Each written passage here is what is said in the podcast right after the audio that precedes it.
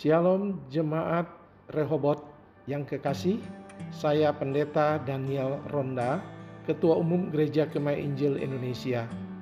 Selamat mengikuti podcast RHB Pastoral Ministry yang memberkati saudara-saudara semua. Tuhan memberkati kita.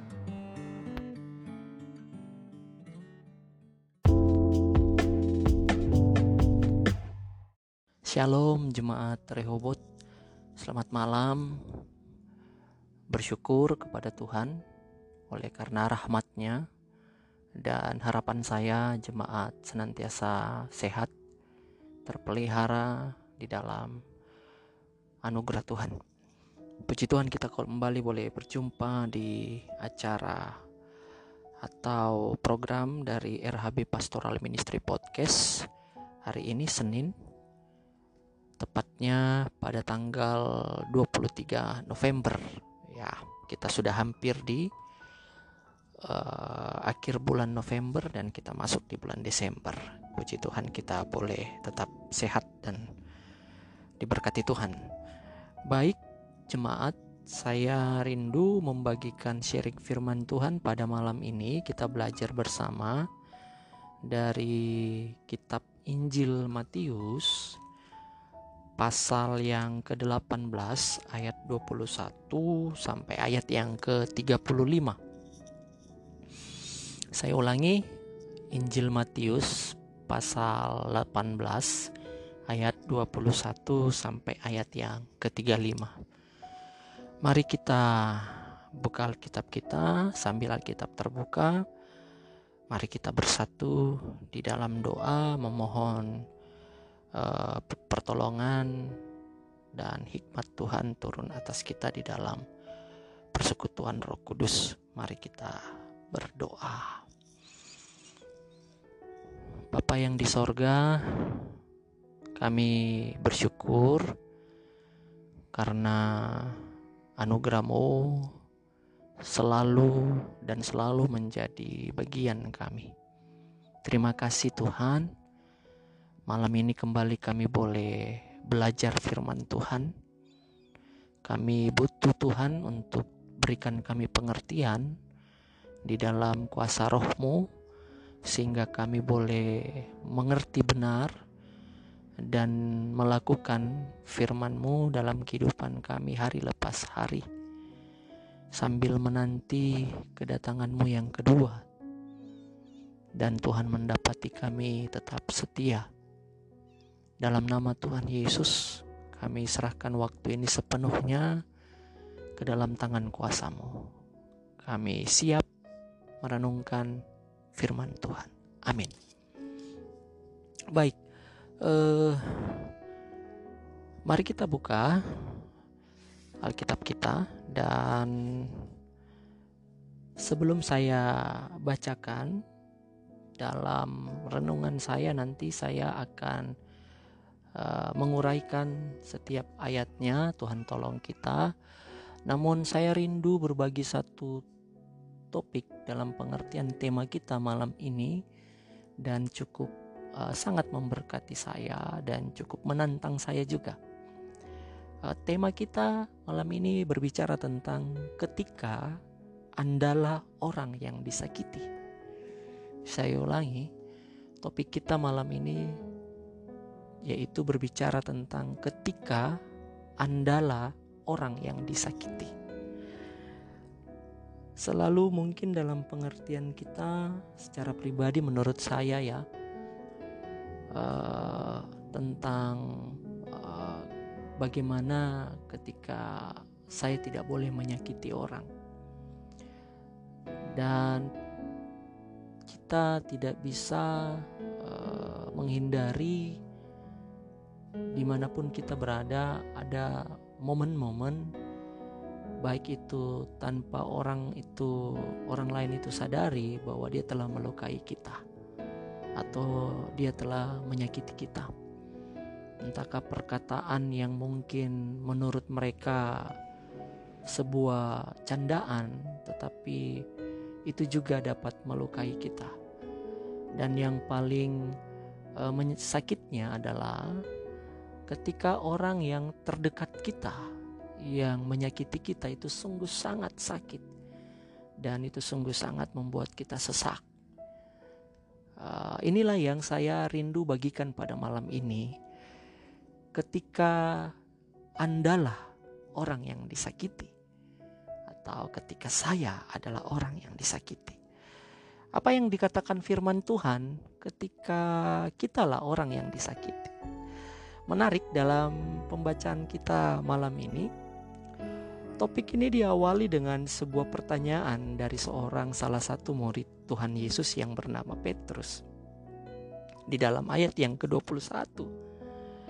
Di situ Petrus berkata kepada Yesus, "Tuhan, sampai berapa kali aku harus mengampuni saudaraku jika ia berbuat dosa terhadap aku?"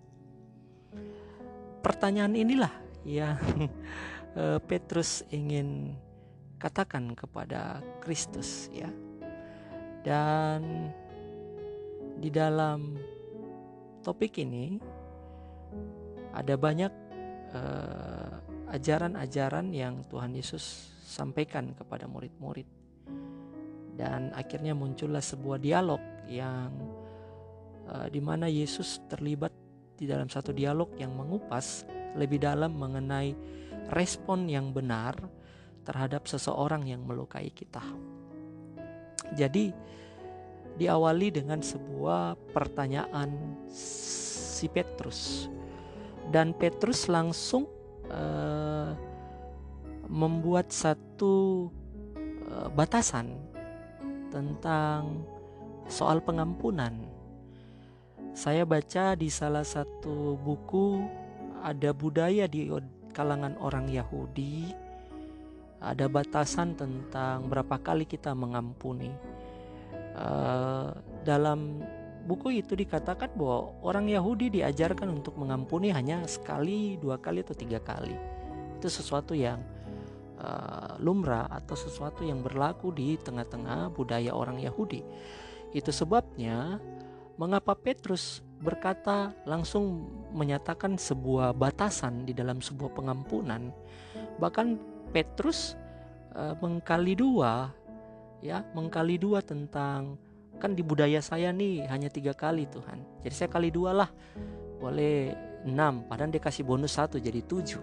Intinya pada prinsipnya Petrus bertanya hal ini tapi dalam pertanyaan dia langsung sudah memberi sebuah batasan ya kalau kita lanjut melihat di bagian B ayat 21 itu sampai tujuh kali ya jelas jadi sebenarnya pertanyaan si Petrus ini kepada Kristus sangat bagus dan relevan pada masa Petrus.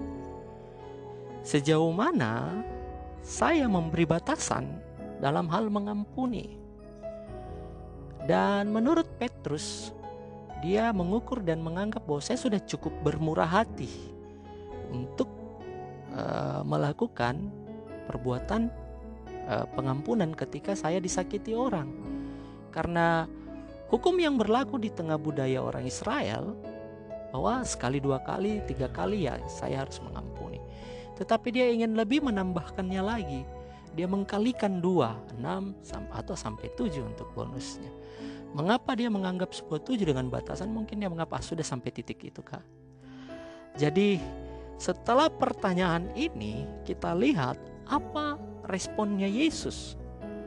Apa yang menjadi tanggapannya Yesus ketika Petrus bertanya dan langsung membuat satu batasan tentang soal pengampunan? Dalam hal ini tentang ketika kita menjadi kita, ketika kita adalah orang yang disakiti. Apa yang Yesus katakan? Mari kita perhatikan kembali di dalam ayat yang ke-22. Di situ jawaban Kristus dia berkata gini.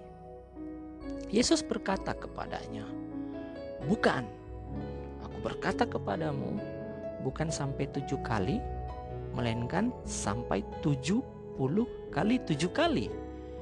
Jadi jelas Tuhan Yesus tentunya kalau kita berbicara tentang uh, pengajaran Tuhan Yesus yang sangat kreatif, fenomenal dan sangat luar biasa menurut saya kita harus paham bahwa ini bukan berarti jawaban Yesus kita pahami secara harafiah tentang sebuah angka. Jadi jawaban Tuhan Yesus sendiri itu membuat Petrus dan murid-murid lainnya tentunya sangat tercengang atau kaget. Jadi dia berkata begini, Yesus berbicara tentang tujuh kali, bukan tujuh kali tapi maksudnya melainkan sampai tujuh puluh kali tujuh kali. Kalau angka itu dikalikan berarti ada 490 kali. Tetapi bukan itu maksud Tuhan Yesus. Maksud Tuhan Yesus artinya dia mengatakan kepada Petrus untuk mengajukan suatu jumlah yang tidak terbatas. Jadi soal pengampunan itu tidak bisa kita memberikan sebuah batasan. Ketika saya dilukai, saya ada satu eh, pernyataan-pernyataan yang sering kali saya akan di tengah-tengah jemaat. Uh, kesabaran itu ada batasnya. Jadi ketika kita membuat statement itu kita sendiri membuat satu batasan seperti Petrus. Sedangkan Yesus berkata bahwa mari kita lihat kenapa Yesus mengambil uh, satu perumpamaan bahwa sampai 70 kali 7 kali. Kalau kita melihat dari setelah ayat ini dari ayat 21 sampai 22 tentang percakapan Petrus dan jawaban Kristus, Yesus melanjutkan dengan sebuah perumpamaan yang sangat menarik.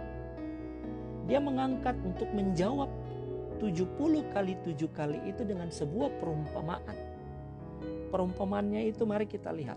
Jadi dia ingin melihat Petrus dan dia ingin mengujudkan Petrus bahwa dengan melihat Yesus mau mendorong untuk menjelaskan lebih rinci di dalam sebuah perumpamaan dengan pertanyaan yang Petrus ajukan yaitu satu tema pokok tentang pengampunan.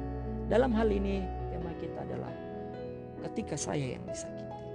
Dalam ayat 23 sampai ayat ke-27, mari kita baca. Saya mulai dulu dari ayat 23 sampai ayat 27. Yesus mengangkat tentang perempuan. Sebab hal kerajaan sorga seumpama seorang raja yang hendak mengadakan perhitungan dengan hamba-hambanya. Setelah ia mulai mengadakan perhitungan itu, dihadapkanlah kepadanya seorang yang berhutang sepuluh ribu talenta. Tetapi karena orang itu tidak mampu melunaskan hutangnya, raja itu memerintahkannya, memerintahkan supaya ia dijual beserta anak istrinya dan segala miliknya untuk pembayar hutangnya. Maka sujudlah hamba itu menyembah dia katanya. Sabarlah dahulu, segala hutangku akan kulunaskan. Lalu tergeraklah hati raja itu oleh belas kasihan akan hamba itu. Sehingga ia membebaskannya dan menghapuskan hutangnya.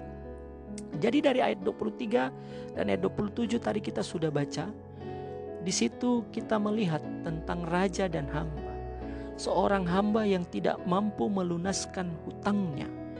Hutangnya bukan berbicara sebuah nominal, pada intinya kalau eh, ketika kita mau menjumlahkan hutang itu sesuatu jumlah yang sangat besar dan jumlah yang sangat besar ini atau amat besar ini dia tidak mampu membayarkan hutangnya dan kita melihat di situ bahwa apa yang raja lakukan dia karena tergerak oleh belas kasihan akan hamba itu.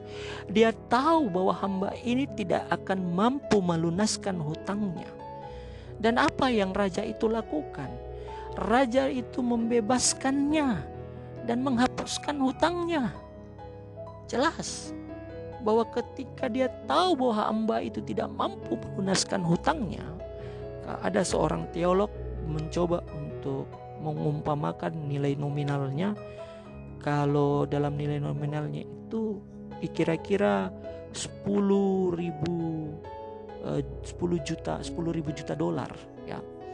Seorang hamba yang harus dilunaskan utangnya. Tentunya ini bukan berbicara tentang sebuah nominal tetapi ini pada prinsipnya berbicara tentang orang itu tidak mampu melunasi hamba utangnya. Dan yang menarik kita bisa lihat di situ sebuah perumpamaan kita berpikir tentang pengampunan secara vertikal, di mana kita lihat ada raja dan hamba. Pengampunan vertikal dalam pengertian dari atas turun ke bawah, seorang raja, seorang yang terpandang, seorang yang mulia, seorang yang memimpin, seorang yang punya otoritas, seorang yang punya kuasa, punya hak untuk menghukum, tetapi dia lebih memilih untuk tergerak oleh belas kasihan dan menghapuskan hutang hamba itu dan membebaskannya. Jadi kekasih Tuhan kita bisa lihat dari ayat 23 sampai ayat 27. Hutang tersebut amat besar sehingga dia memerlukan pengampunan yang tanpa batas yang diberikan oleh sang raja. Mari kita kembali lihat ayat 27. Lalu tergeraklah hati raja itu oleh belas kasihan akan hamba itu sehingga ia membebaskannya dan menghapuskan hutangnya. Satu peringatan yang indah tentang pengampunan Allah terhadap manusia yang berdosa. Jelas jadi ayat 23 sampai 27 Yesus memberikan sebuah perumpamaan yang indah ini. Dan saya waktu paham ini saya juga cukup kaget jemaat. Dan mari kita kembali melihat dalam ayat 24 sampai ayat yang ke saya ulangi ayat 28 sampai ayat 34. Mari kita baca. Tetapi ketika hamba itu keluar, ia bertemu dengan seorang hamba yang lain berhutang 100 dinar kepadanya. Ia menangkapnya dan mencekik kawannya itu katanya, bayar hutangmu. Maka sujudlah kawannya itu dan memohon kepadanya, sabarlah dahulu. Hutangku itu akan kulunaskan. Tetapi ia menolak dan menyerahkan nyawa kawannya itu ke dalam penjara sampai dilunaskan hutangnya. Menarik, sangat menarik menurut saya. Kita melihat seorang hamba yang tadi itu sudah diampuni hutangnya, sudah dibebaskan hutangnya, sudah dihapuskan hutangnya. Rupanya dia punya kawan berhutang sama dia, namun dia memperlakukan kawannya yang berhutang sama dia untuk harus membal, membal, membayar hutangnya karena kawannya tidak mampu membayar hutangnya malahan dalam ayat 30 di situ jelas ia menolak dan menyerahkan kawannya itu ke dalam penjara sampai dilutaskan hutangnya. Artinya kita bisa melihat tentang sebuah prinsip pengampunan secara horizontal. Pengampunan di yang tadi kita baca. Hamba yang sama yang baru saja dihapuskan hutangnya yang amat besar itu yang tidak mampu dia balas maksudnya bayar, malah kini berbalik melawan seorang kawannya yang berhutang kepadanya sejumlah kurang dari kalau di nominal ya, dari 20 dolar dari total uh, hutangnya yang 10 ribu juta dolar kepada raja. Dia hanya kawannya ini hanya punya nominal 20 ribu dolar ya dalam pengertian ketika uh, ini dinominalkan. Lalu menyerang kawannya yang malang itu. Jelas tadi ayat 30 mengatakan bahwa dia dimasukkan di penjara sampai dia betul-betul melunasi hutangnya. Dan kalau kita teruskan melihat ayat ini dalam ayat yang ke-31, melihat itu kawan-kawan yang lain sangat sedih lalu menyampaikan segala yang terjadi pada tuan mereka. Dalam ayat 32, raja itu menyuruh memanggil orang itu dan berkata kepadanya, "Hai hamba yang jahat, Seluruh hutangmu telah kuhapuskan karena engkau memohonkannya kepadaku. Bukankah engkau pun harus mengasihi kawanmu seperti aku telah mengasihi engkau? Kekasih Tuhan, jadi dalam kita melihat bagian ini, ketika raja mendengar apa yang si hamba yang telah dihapuskan hutangnya itu berlaku, hal yang tidak sedemikian yang raja lakukan kepadanya, raja itu benar-benar marah dan terjadi sebuah konfrontasi yang keras. Dan kita bisa melihat ada beberapa hal muncul dalam bagian akhir dari cerita ini yang memberikan kepada kita alasan mengapa kita harus mengampuni orang lain ketika kita disakiti. Yang pertama kita bisa melihat, mari kita lihat. Dalam ayat 32 sampai ayat 33 di situ dikatakan, Raja itu menyuruh memanggil orang itu dan berkata kepadanya, Hai hamba yang jahat, seluruh hutangmu telah kau hapuskan karena engkau memohonkannya kepadaku. Bukankah engkau pun harus mengasihi, mengasihani kawanmu seperti yang telah seperti aku telah mengasihani engkau? Jadi kekasih Tuhan, ada hal yang ketika kita lakukan kita tidak mampu atau kita tidak mengampuni orang lain. Yang pertama adalah menolak mengampuni adalah perbuatan munafik. Saya ulangi. Menolak mengampuni adalah sebuah perbuatan yang munafik. Dari ayat yang telah tadi kita baca, kita telah menerima kemurahan Tuhan yang maksimal. Dan seperti dalam cerita perumpamaan tentang pengampunan vertikal, dari topik ayat 21 sampai 27, 23 sampai 27, sungguh-sungguh seorang hamba itu telah menerima kemurahan dari Tuhan.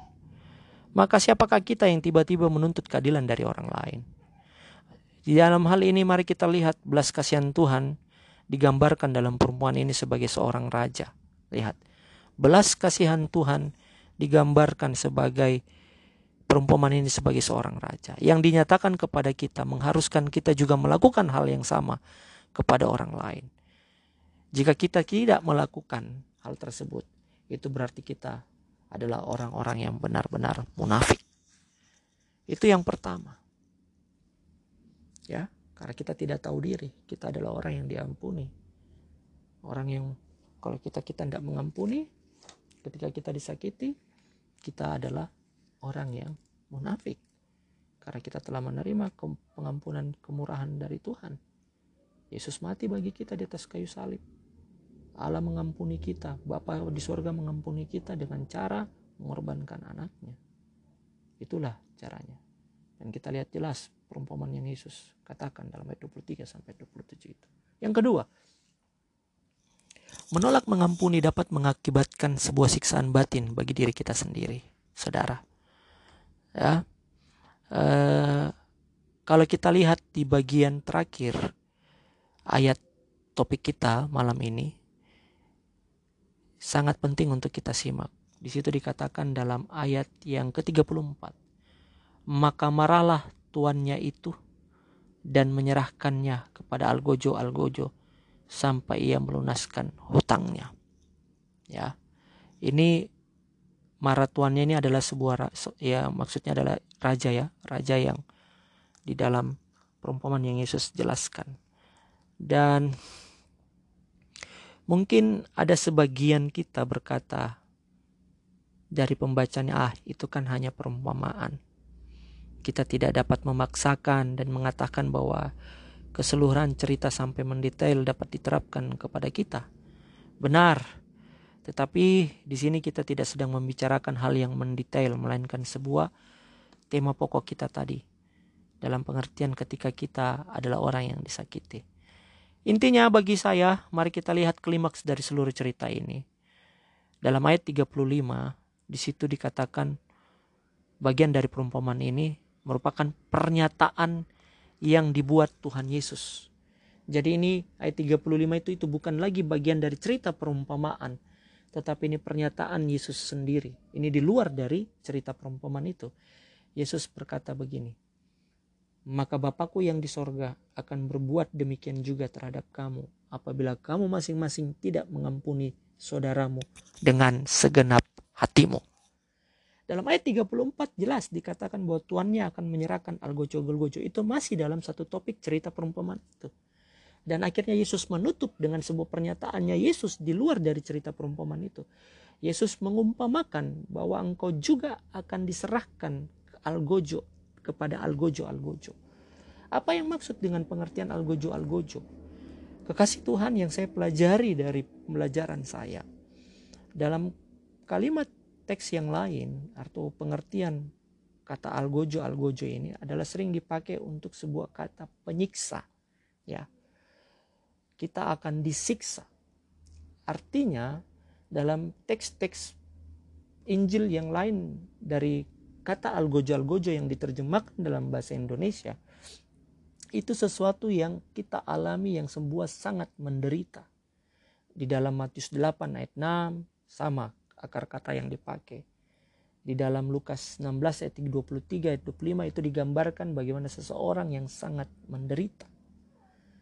Coba kita membayangkan kekasih Tuhan dalam uh, pengertian kata sangat menderita sesuatu jiwa kita yang benar-benar itu akan tersiksa. Di mana kata itu kalimat itu punya pengertian di sana akan muncul sebuah kesakitan, penderitaan, dan siksaan adalah bagian dari pengalaman yang sangat menyiksa kita. Jadi Yesus menerjemahkannya sebagai penyiksa-penyiksa.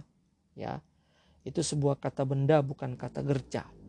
Tapi Tuhan Yesus berkata bahwa barang siapa yang tidak rela mengampuni orang Kristen yang menyimpan dendam, dan kepahitan terhadap orang lain akan dihantui oleh pikiran-pikiran yang sangat menyiksa, perasaan yang menderita, kegelisahan yang menyakitkan di dalam diri kita.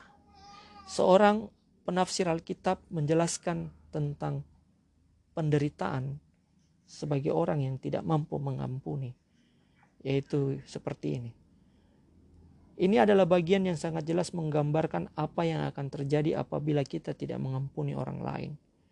Penjelasan yang tepat tentang kemarahan dan kepahitan yang merongrong serta kebencian atau iri hati yang amat menyakitkan. Perasaan yang sangat tidak enak.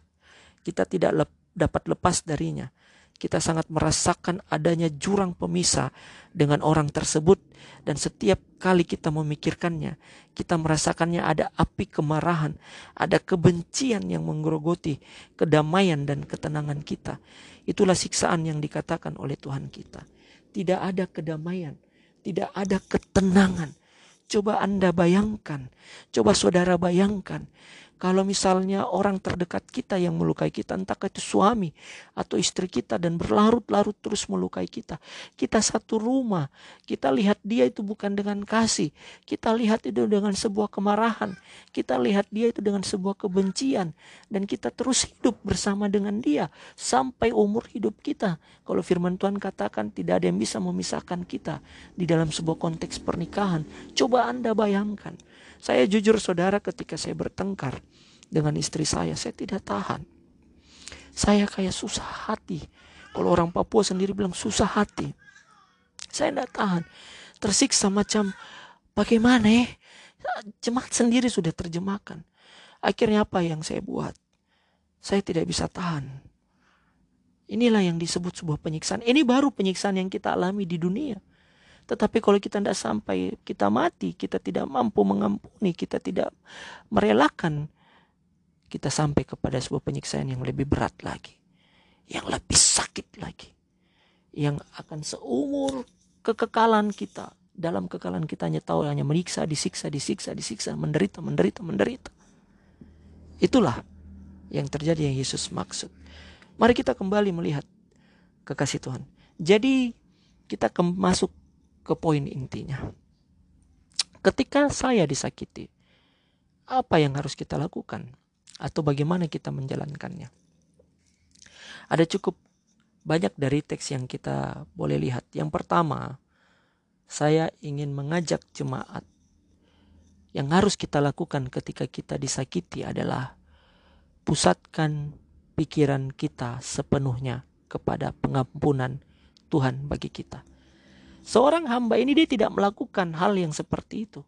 Dia tidak memusatkan seluruh keberadaan hidupnya ketika dia sudah dilepuskan hutangnya, ketika dia dibebaskan hutangnya. Dia tidak memusatkan seluruh keberadaan hidupnya atau pikirannya kepada belas kasihan si raja itu. Jadi kekasih Tuhan, coba kita pikirkan betapa besarnya rahmat Tuhan Yesus atau Tuhan yang dilimpahkannya bagi kita betapa besarnya rahmatnya Allah Bapa kita. Sehingga dia mau mengampuni kita. Kalau pemazmur gambarkan begini dalam Mazmur 103 ayat dalam satu Mazmur 103 ayat 2 sampai 5, ayat 10 sampai 12. Saya rindu nanti jemaat baca berulang-ulang. Jadi ketika jemaat dilukai, bacalah ini. Pusatkan pikiran, tenangkan dan datang kepada Tuhan. Dan ingatlah pengampunan Tuhan. Ingatlah pengorbanan Tuhan atas kita. Di sini dikatakan pemazmur, pujilah Tuhan hai jiwaku dan janganlah lupakan segala kebaikannya. Dia yang mengampuni segala kesalahanmu. Lihat kata segala kesalahanmu.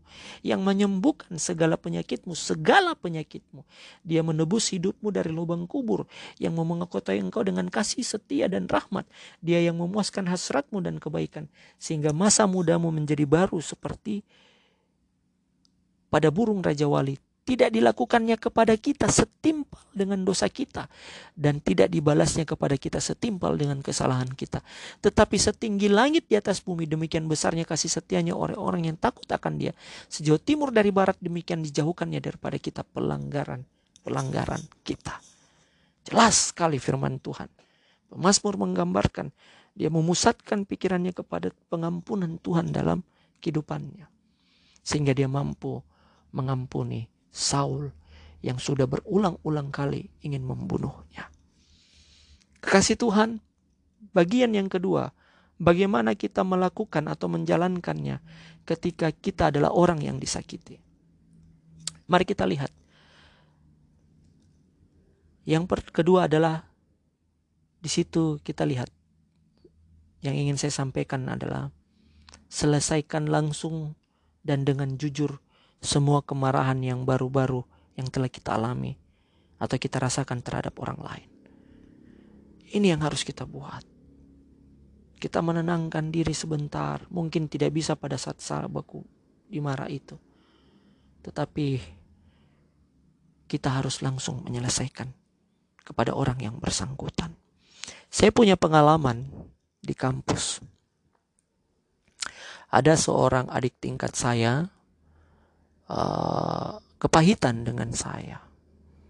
Saya sebenarnya uh, tidak sadar, tidak tanpa saya sadari telah melukai dia. Ya biasalah tentang uh, relasi orang-orang muda. Dia memang waktu mahasiswa baru saya cukup banyak mentor dia. Tapi saya cukup kaget ketika di akhir semester pada saat dia sudah mau wisuda, pada saat kami, saya yang mau wisuda, dia datang secara pribadi ke saya dan dia karena ada perubahan sikap yang terjadi setelah saya mengenalnya dan terjadi uh, dia merasa disakiti setelah waktu dia disakiti itu ada banyak perubahan sikap. Dua tahun tiga tahun dalam kampus dia sudah tidak sehangat dulu tidak lagi tegur saya.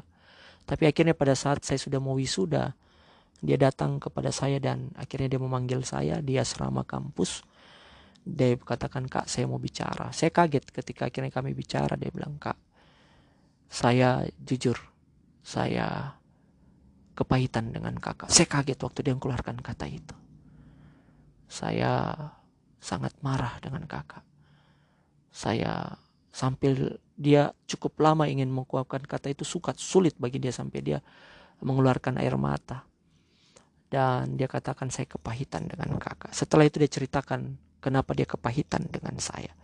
Tetapi akhirnya saya terkagum dan saya belajar tentang dari dia tentang dia seorang yang jujur yang mau mengampuni saya dan akhirnya dia lega dan saya juga jujur akhirnya belajar dari situ bahwa kadangkala tanpa kita sadari mungkin hanya sepele orang bisa kepahitan dengan kita dan saya bersyukur bahwa Tuhan memulihkan hubungan relasi saya kembali dengan adik tingkat saya atau junior saya. Inilah yang saya maksud.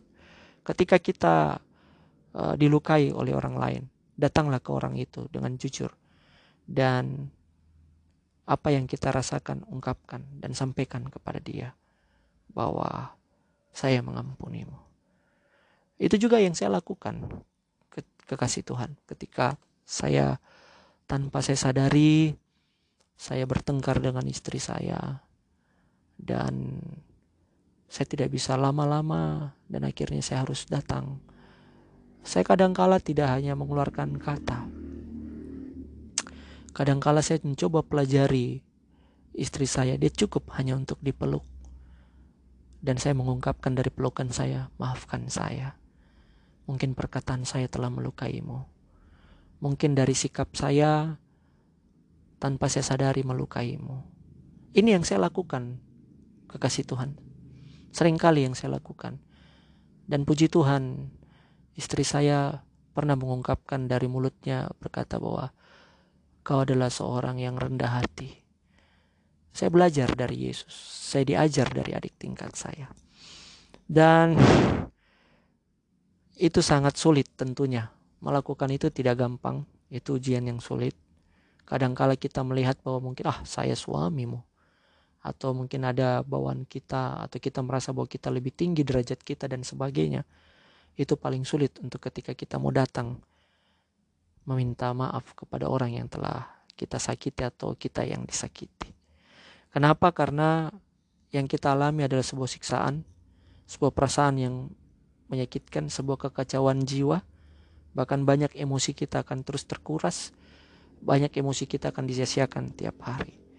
Jadi kekasih Tuhan, mungkin kita bisa saja bertahan, tetapi mungkin juga kita sedang tawar-menawar dengan Tuhan dan setuju untuk mengampuni. Tetapi sering kali ada orang yang bilang saya telah mengampuni, tetapi saya tidak. Saya masih ingat, saya ampuni, saya sudah ampuni, tetapi sikap kita menunjukkan bahwa kadangkala kita belum mengampuni orang itu. Artinya apa? Seringkali kita hanya bilang di mulut kita bahwa kita mengampuni, tetapi kita tidak rela melupakan. Kita tidak rela melupakan semua perbuatan-perbuatannya yang telah melukai kita. Ingat sekali lagi, saya katakan dalam permohonan yang Yesus katakan di situ ayat 27, tergeraklah hati raja oleh belas kasihan oleh hamba itu, sehingga yang membebaskan dan menghapuskan utangnya. Tuhan melupakan semua perbuatan dosa kita. Tuhan menghapuskan dan tidak lagi mengingat. Itulah kenapa pemazmur gambarkan bahwa tidak dilakukannya kepada kita setimpal dengan dosa kita. Kalau Tuhan mampu melakukan itu, apalagi kita hanya manusia. Tuhan mau untuk kita melakukan apa yang Tuhan katakan. Jadi demikian pembelajaran kita pada malam ini. Teruslah kita belajar dan diproses untuk mengampuni kepada siapa saja yang mengampuni kita. Apabila pengampunan yang adalah sebuah proses dari Tuhan supaya Tuhan menghendaki agar kita alami supaya apa menyembuhkan luka-luka dalam batin kita maka melupakan adalah penghapusan tanda-tanda dari bekas luka yang kelihatan jelek. Saya ulangi, ketika kita sudah berbicara demikian banyak tentang mengampuni, sekarang kita perlu memikirkan tentang melupakan. Kalau hari ini ada istri-istri yang telah dilukai oleh suaminya, atau suami dilukai oleh istrinya, ampuni dan juga lupakan, karena melupakan adalah tanda penghapusan dari bekas luka yang ada di dalam hati kita. Mari kita berdoa. Terima kasih Tuhan Yesus buat firman yang boleh kami pelajari hari-hari ini. Tuhan, tolong, tolong kami, supaya kami sungguh-sungguh mengampuni dan sungguh-sungguh melupakan, sebagaimana Bapa yang telah mengampuni kami di dalam Kristus Yesus. Hamba serahkan umatmu malam ini dalam kehidupan mereka. Malam ini dalam peristirahatan mereka. Tuhan tolong jaga dan sertai. Berkati setiap umatmu yang mendengarkan sharing firman malam ini. Dalam nama Tuhan Yesus, amin. Demikianlah renungan kita pada malam ini. Terima kasih jemaat boleh mendengarkan. Selamat malam. Shalom. Tuhan Yesus memberkati.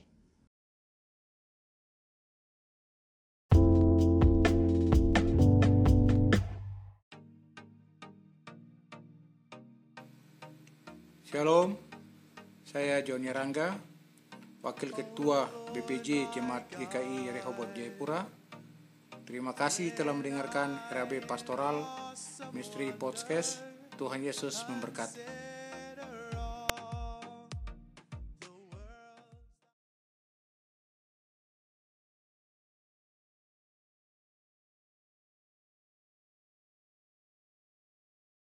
Praise God from whom all blessings flow. Praise Him, all creatures here below. Praise Him above, ye heavenly host. Praise Father, Son,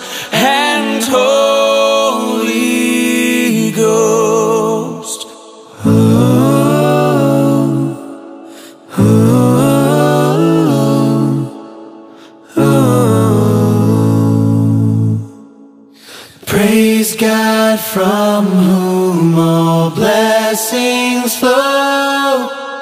Praise Him, all creatures here below.